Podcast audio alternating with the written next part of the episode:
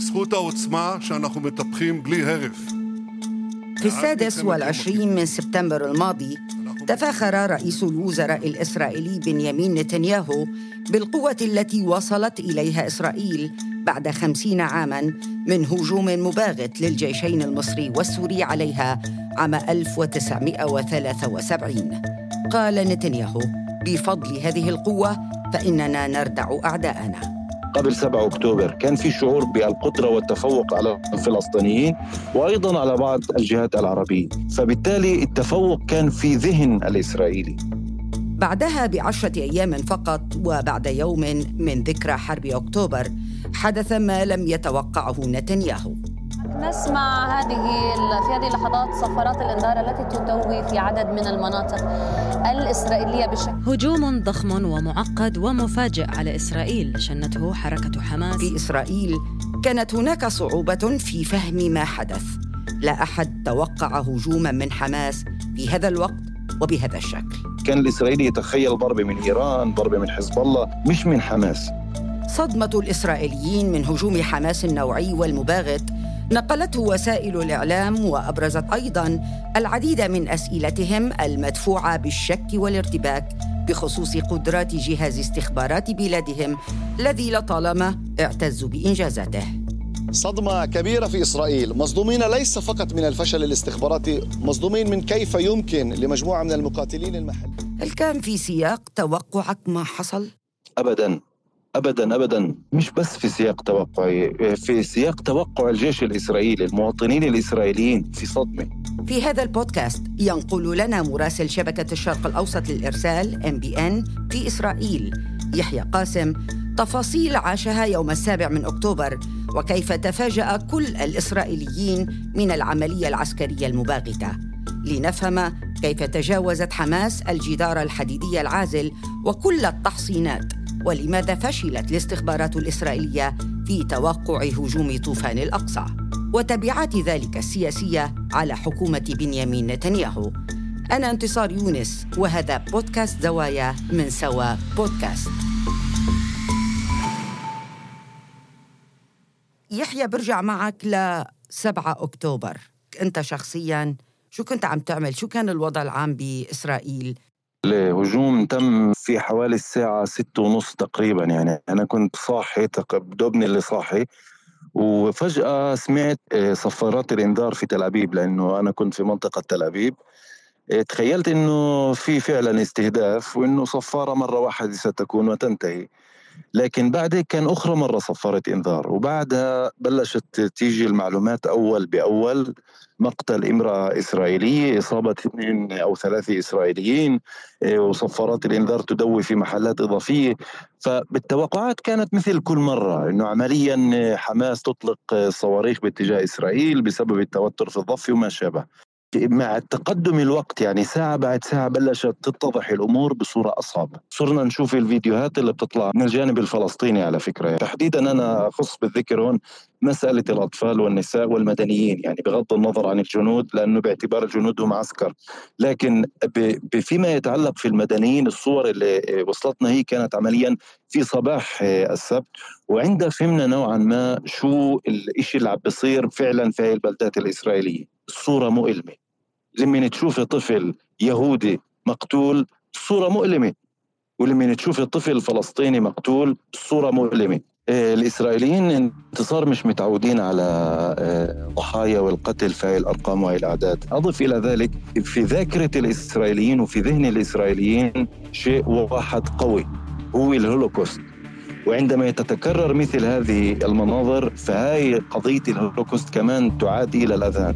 أضف إلى ذلك نقطة إضافية إنه التاريخ اللي تمت فيه العملية هاي تمت بعد خمسين عام من حرب أكتوبر. يحيى أنت غطيت أخبار إسرائيل من عام 2002 وغطيت جولات عنف كبيرة بين قطاع غزة وإسرائيل. هل كان في سياق توقعك ما حصل؟ أبداً.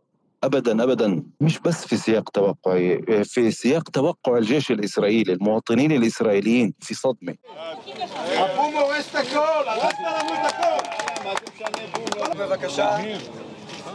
في ديسمبر عام 2021 أنهت إسرائيل ما اعتبرته جوهرة دفاعاتها الأمنية حول غزة.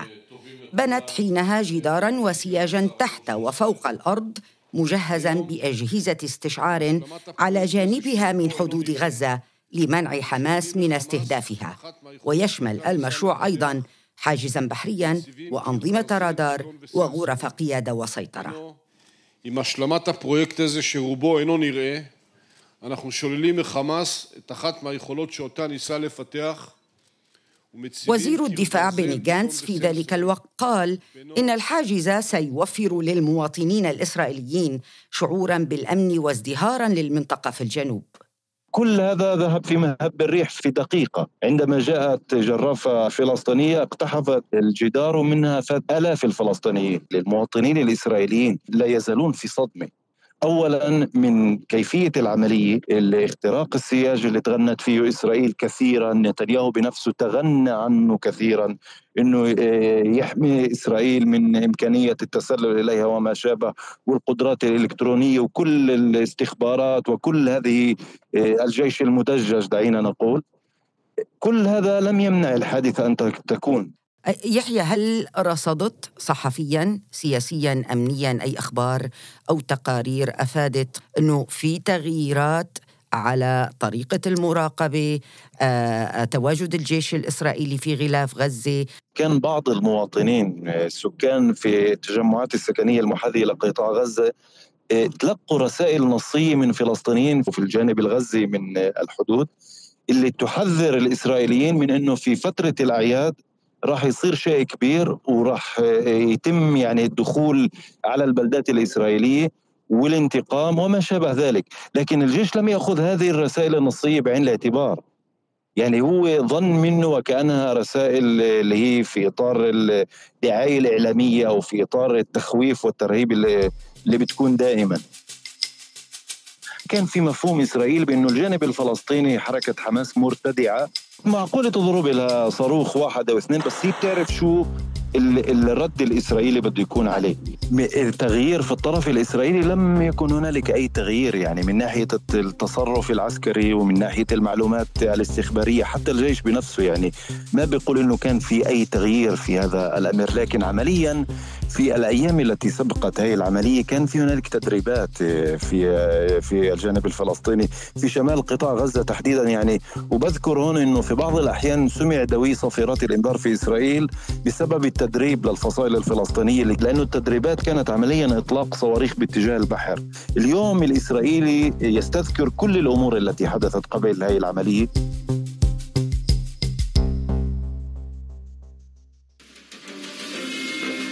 راديو سوا في واشنطن يقدم الصورة الكاملة. الصورة الكاملة. أعادني كلام يحيى بالذاكرة عاما للوراء في أغسطس آب 2022 حين كنت على الهواء في راديو سوا أغطي جولة العنف بين حركة الجهاد الإسلامي وإسرائيل. كان هذا الحوار بيني وبين أحد أبرز المعلقين الإسرائيليين. إسحاق مردخاي دعني أنتقل إلى محور آخر. قرأت الكثير من المواقف والتحليلات في إسرائيل التي تبدي ارتياحا كبيرا لما وصف بعملية الفصل الجارية ما بين حماس والجهاد في قطاع غزة بعد تحييد حماس إلى حد كبير لنفسها عن هذه المعركة وأيضا عدم استهداف إسرائيل لأي موقع أو قيادة من قيادات حماس. نعم لأننا في هذه النقطة من التاريخ نعيش بصورة مقبولة مع دولة اسمها دولة غزة تأتمر بإمرة حركة حماس وأهلا وسهلا بحركة حماس آخر التقديرات الأمنية الإسرائيلية اللي كانت عمليا قبل ثلاث أسابيع واللي نقلت آه، في وسائل الإعلام الإسرائيلية هي من كبار المسؤولين في جلسات مداولات أمنية اللي قالوا بصريح العبارة حماس مرتدع. حماس مرتدع والدليل على ذلك إنه في جولتين سابقتين مع الجهاد الإسلامي آه، أنت طبعا تذكرين حماس لم تتدخل ابدا. وإسرائيل كانت تردد آه، الصيغة اللي هي فهمتها إنه عمليا حماس تريد أن تكون لاعب مدني في داخل قطاع غزة يعني بدون أن تحرك آه، العناصر المسلحة وما شابه، فبالتالي هذا جعل إسرائيل تشعر بنوع من الطمانينه من من من قبل حماس تحديدا. فبالتالي التفوق كان في ذهن الإسرائيلي. آه، بالإضافة إلى هيك الجيش الإسرائيلي مركز وتركيزه الاستخباراتي في هذه المرحلة وهذا اللي قاله العسكر يعني هذا ليس حديثي أنا. التركيز تبعهم عما يدور في الجبهة الشمالية. حزب الله إيران. آه، على الجبهة مع سوريا. الميليشيات الإيرانية أو الموالية لإيران التي تتواجد هناك.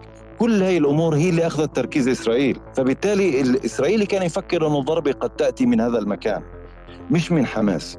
على شاشة الحرة وفي يوم الهجوم سئل أفيخاي أذرعي المتحدث باسم الجيش الإسرائيلي عن هذا الفشل. ألم لم يخرج هذا هذا ذلك الاجتماع بتقييم بأنه لا يوجد خطر من قطاع غزة الآن كيف انقلبت هذه الصورة؟ ك... ك... و... أنا أعتقد بأن هناك الكثير من العبر وهناك الكثير من الدروس يجب علينا أن نستخلصها لكن بعد الحرب وبعد الأمور الذي التي تحدثنا عنها في بداية هذا الحديث هناك الكثير هناك الكثير وواضح تماما بأن الكثير الذي يجب علينا أن نستخلصه. لكن الآن لا صوت يعلو فوق صوت المعركة. بدأ آلاف الإسرائيليين في الاحتشاد وسط تل أبيب في تظاهرة جديدة ضد خطة نتنياهو للإصلاح القضائي تحت عنوان يوم الفوضى في جميع أنحاء البلاد. في الأشهر الماضية حذرت تقارير إسرائيلية كثيرة من أن خطة الإصلاح القضائي التي أدت لتظاهرات كبيرة في إسرائيل وقسمت البلاد لمعسكرين قد تضر بأمن إسرائيل. تفاصيل تلك التعديلات يمكنكم الاستماع إليها في بودكاست زوايا سابق. وصل الانقسام حينها للجيش وجهاز الأمن، لكن نتنياهو كان يقول: وهذه إحدى تصريحاته قبل خمسة أشهر אנחנו גובים מחיר כבד מהמשטרים שתומכים בטרור إن الجدل الداخلي في إسرائيل لا يضر ولن يضر على الإطلاق بما وصفه التصميم والقوة والقدرة على العمل ضد الأعداء إذا تحدثنا أيضا إيه، عن رئيس جهاز الشباك عن رئيس الموساد كلها تحدثت عن أن الخلافات السياسية الحاصلة في إسرائيل ستجعل من وصفوهم بأعداء إسرائيل بأن يتجرأوا ويقوموا في عمليات مثل اللي شاهدناها في يوم السبت الماضي في 7 أكتوبر. فبالتالي كان هذا الإشي متوقع. يعني الضعف اللي حصل أيضا في داخل الجيش عدم قبول بعض طياري سلاح الجو في في القيام بالتدريبات اللازمة. كل هي انعكست وصدرت على الإعلام فبالتأكيد حماس كان يتابع هذا الموضوع. هيرتسي هاليفي رئيس الأركان الإسرائيلي تطرق إلى هذا الموضوع. جنرالات سابقين حدث ولا حرج. أنا لا أذكر جنرال واحد سابق لا أذكر واحد حقيقة اللي أيد فكرة نتنياهو. كل كل الجنرالات المذكورين اللي أنا أذكرهم جيدا قالوا إنه الطريقة اللي ماشي فيها نتنياهو بمعنى تغيير وجه النظام في إسرائيل وطريقة الحكم في إسرائيل وإضعاف جهاز القضاء ستؤدي إلى إضعاف الجيش لا محالة لأنه الجيش هو يعكس صورة المجتمع. ولمن المجتمع يكون متفكك الجيش متفكك. لمن يكون في مظاهرات في الشارع هاي المظاهرات أيضا ستنعكس في الجيش في بعض الجنود اللي رفضوا أن يؤدوا الخدمة العسكرية. لأنه قالوا في حينها إحنا لن نخدم حكومه اللي هي حكومة ليست ديمقراطية. كيف لعب وجود وزراء متشددين بحكومة نتنياهو دور في تأجيج الوضع في الضفة وغزة؟ كان في هدوء نوعا ما في السنة الماضية مع قطاع غزة. في الضفة الغربية دائما هنالك إيه، اعتداءات من قبل مستوطنين إيه، محاولات طعن من قبل فلسطينيين.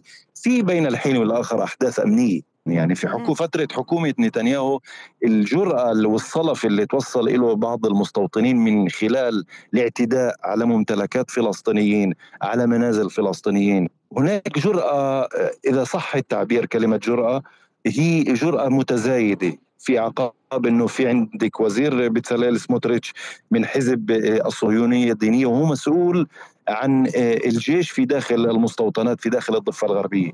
فهنالك شعور من من من القدرة من إطلاق العنان للمستوطنين وعشان هيك كان في اعتداءات كثيرة أيضا على الفلسطينيين. هذا انعكس بصورة مباشرة على قطاع غزة. يعني الفلسطيني اللي في قطاع غزة اللي بيشوف أخوه الفلسطيني في الضفة الغربية يقتل ويضرب وفي هنالك اعتداءات وما شابه. أضف إلى ذلك اقتحامات المستوطنين المتكررة إلى الأقصى اللي تثير مشاعر المسلمين. إيه، بنطيكي مثل قبل سنة أو سنتين عمليا لما كان ايتمار بن كفير أقام له مكتب في داخل حي الشيخ جراح. في حينه قال مفتش الشرطة العامة الجنرال كوبي شبتي إنه عضو الكنيسة ايتمار بن غفير هو الذي يؤدي إلى إشعال الموقف وإلى تأجيج الأمور مع الفلسطينيين والإسرائيليين لأنه هو يحرض الآن تخيلي أنه من اتهم في حينه أو قيل في حينه أنه هو اللي يؤجج الموقف أصبح وزير الأمن القومي وصار مسؤول عن مفتش الشرطة ولكن عسكريا لماذا انهار جدار الأمان الإسرائيلي المتقدم على قطاع غزة فجأة؟ وما الذي حصل في السابع من أكتوبر؟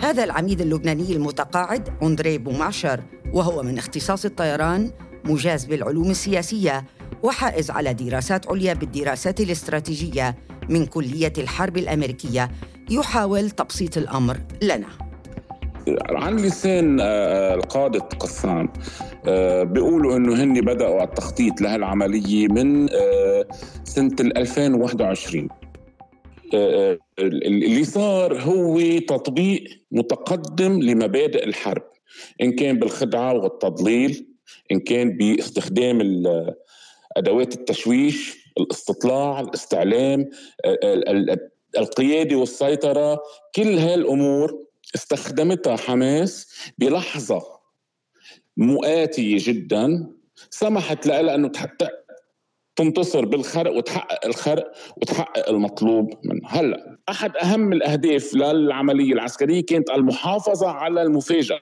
يعني العامل الأساسي والحاسم وال... واللي هو عمل هالتحول النوعي. عم نحكي برا عم نحكي جوا عم نحكي حتى على المستوى البحري وكمان على المستوى السيبراني. التقت الحرة مرة أخرى. مع أفيخي أدرعي. ولكن من يتحمل المسؤولية في آه، يعني في هذا الموضوع آه، أفيخي؟ المسؤولية كلها تقع على عاتق الدواعش من حماس الذين شنوا هذا الهجوم. هم يتحملون المسؤولية عن المآسي التي ألت بقطاع غزة. هم يتحملون المسؤولية عن هذا الودع.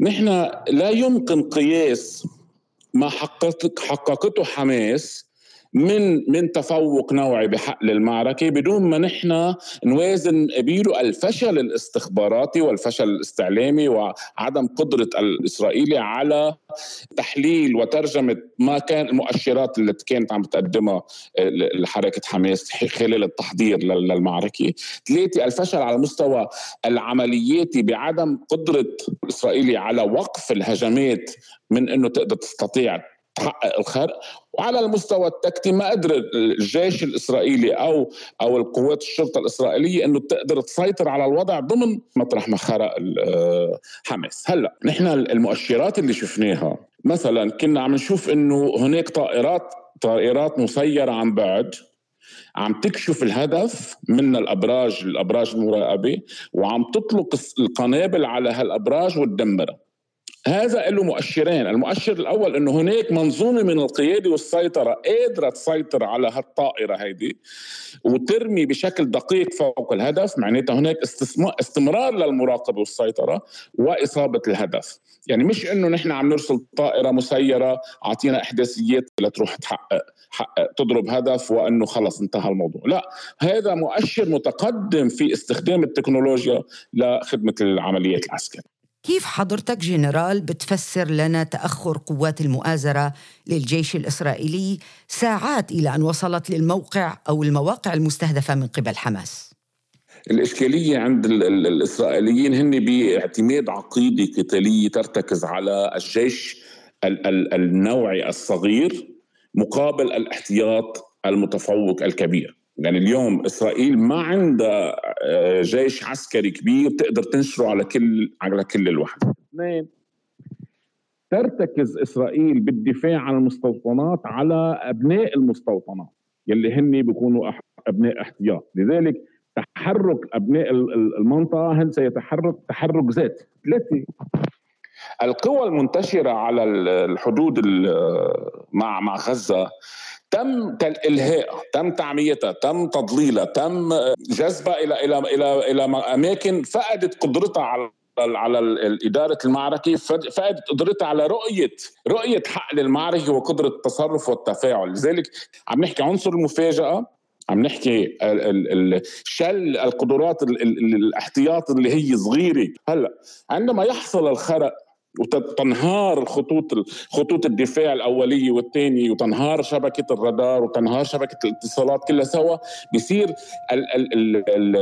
العدو عم يتحرك بضياع اعمى صار ما عم ما بيعرف شو ممكن يعمل أو شو ممكن كيف ممكن يرد.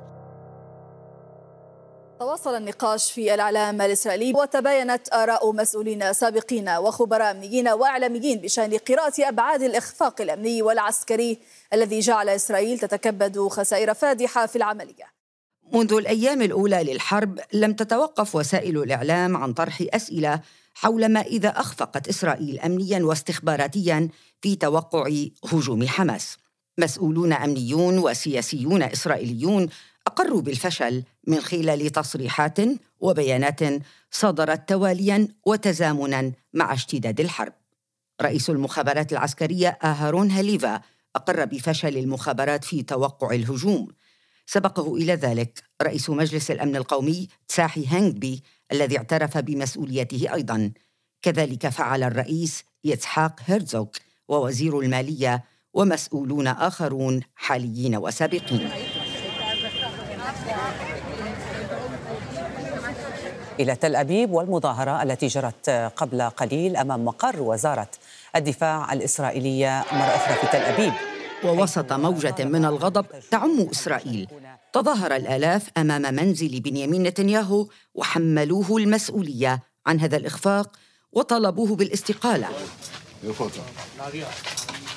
الغضب وصل للجيش حيث واجه جنود غاضبون نتنياهو خلال زيارته لإحدى القطاعات العسكرية. وفي استطلاع للرأي أجراه مركز الحوار. قال أربعة من كل خمسة يهود إسرائيليين إن الحكومة ورئيس الوزراء نتنياهو هما المسؤولان عن التسلل الجماعي لإرهابيي حماس إلى إسرائيل والمذبحة التي تلت ذلك. لكن كل ذلك لم يدفع نتنياهو لا للاعتذار ولا للإقرار بالفشل ومسؤوليته عن ذلك. تقول تقارير إسرائيلية إن مصيره اليوم على المحك وهو يخوض معركته السياسية الأخيرة. كان هذا بودكاست زوايا من سوا بودكاست إعداد وكتابة انتصار يونس. شارك في الإعداد عبد العالي الزهار مكساج ميراس عريان. إشراف سوا بودكاست محمد فاروق عبد الرحمن. وأنا انتصار يونس.